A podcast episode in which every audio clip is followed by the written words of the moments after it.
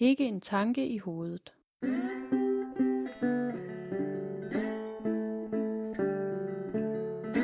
Karens Mine eksisterede som åndssvag asyl i 107 år, fra 1880 og frem til 1987. I dag fungerer det som kulturhus for bydelens borgere.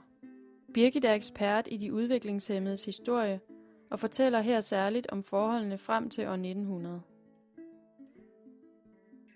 Karens Minde var en øh, bygning, der faktisk blev opført øh, til formålet, hvor mange andre bygninger øh, i de kælderske anstalter ligesom var overtaget, var gamle lejligheder eller var overtagende bygninger af en eller anden art.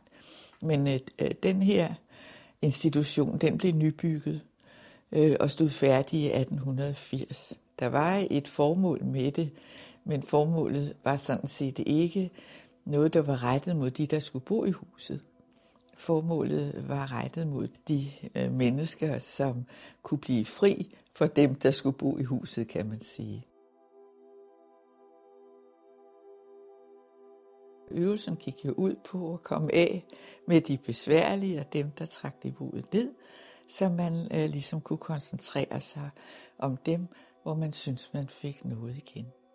Og det der noget, det var sådan set arbejde. Det handlede om, hvem kan du oplære til en eller anden form for arbejde, sådan at de i hvert fald helt eller delvis kan være med til at betale for deres eget underhold. Hvis jeg med nutidens øjne skal se på, hvem det var, så var det mange mennesker med Down-syndrom, og det ved vi jo, at de findes øh, i alle mulige øh, grader af udviklingshæmning.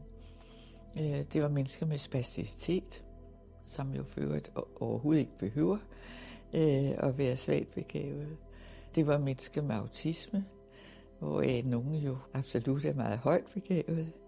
Og det var mennesker med bevægelseshandicap, som man jo ikke regnede med, at man kunne lære noget, men som vi ikke øh, ved meget om, fordi mange af de mennesker med de sværeste handicap, de døde meget hurtigt.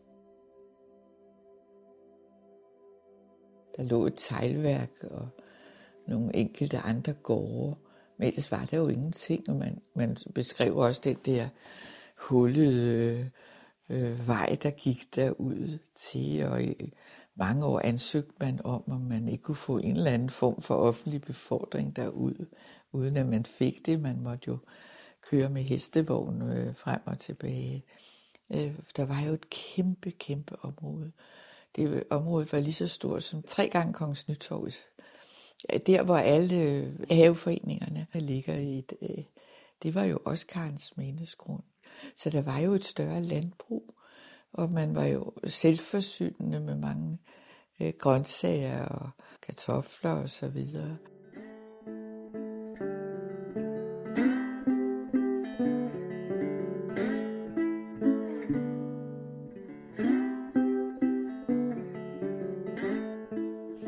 så har der været en masse haver, hvor folk kunne være i om sommeren. Jeg undrede mig sådan over, at der var øh, så mange øh, regninger på stakitter, når jeg, da jeg kiggede i arkiverne. Og så tænkte jeg, hvad, hvad skulle du da bruge alle de stakitter til? Men det blev jeg klar over, for ikke alene var der stakit rundt om hele institutionen eller anstalten, som man sagde, men øh, haven var delt op i en række små haver med stakitter omkring. Så var der haver til børn, og der var haver til voksne mænd og til voksne damer. Men der var også haver til ustyrlige. Ustyrlige voksne mænd og ustyrlige voksne damer. Så der var, øh, der var mange forskellige aflukker, hvor folk kunne være om sommeren. Og hvis man så går ind på journalerne og gerne vil vide noget om de her mennesker, så slår det en, hvor lidt der står. Man har ingen forventninger haft til dem, og derfor har man næsten ingenting skrevet i journalerne.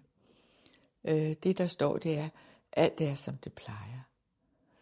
Ingen forandring, alt er, som det plejer. Og jeg tror, det siger mere om stedet og personalet, end det siger om dem, der var anbragt der. For alt var, som det plejer. Der blev ikke gjort nogen forsøg på oplæring eller nogen ting. Det vildeste var faktisk at gå en tur rundt om Karens Minde, sådan i de lange rækker, øh, pænt klædt på, og så ind igen. Altså nogle af de pårørende, jeg har talt med, de fortæller, at der var et bestemt besøgslokale, sådan så når de kom og skulle besøge deres barn, så blev det ført ned i det besøgslokale, selvfølgelig i sit pæne søndagstøj og så videre. De så aldrig, hvor barnet sov. Men så var der også nogle forældre, der meget gerne tit ville have barnet hjem. Og det var man ikke specielt interesseret i. Og man skriver hver gang, øh, hun har været hjemme, så er hun fuldstændig umulig, når hun kommer tilbage, og hun bider, og hun slår. Og vi siger til forældrene, at de skal ikke komme så tit. Og, og det kører sig i lang tid, og forældrene bliver ved med at komme.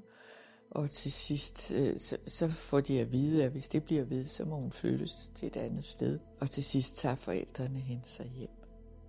Og man har slet ikke nogen øh, fornemmelse af hjemmevæg. Øh, og det har man jo ikke, fordi man tror ikke, at der er en tanke i hovedet. Så sådan en fin følelse som hjemmevæg, det er ikke noget, man, man tænker i. Man, man tror ikke, at der er noget indeni.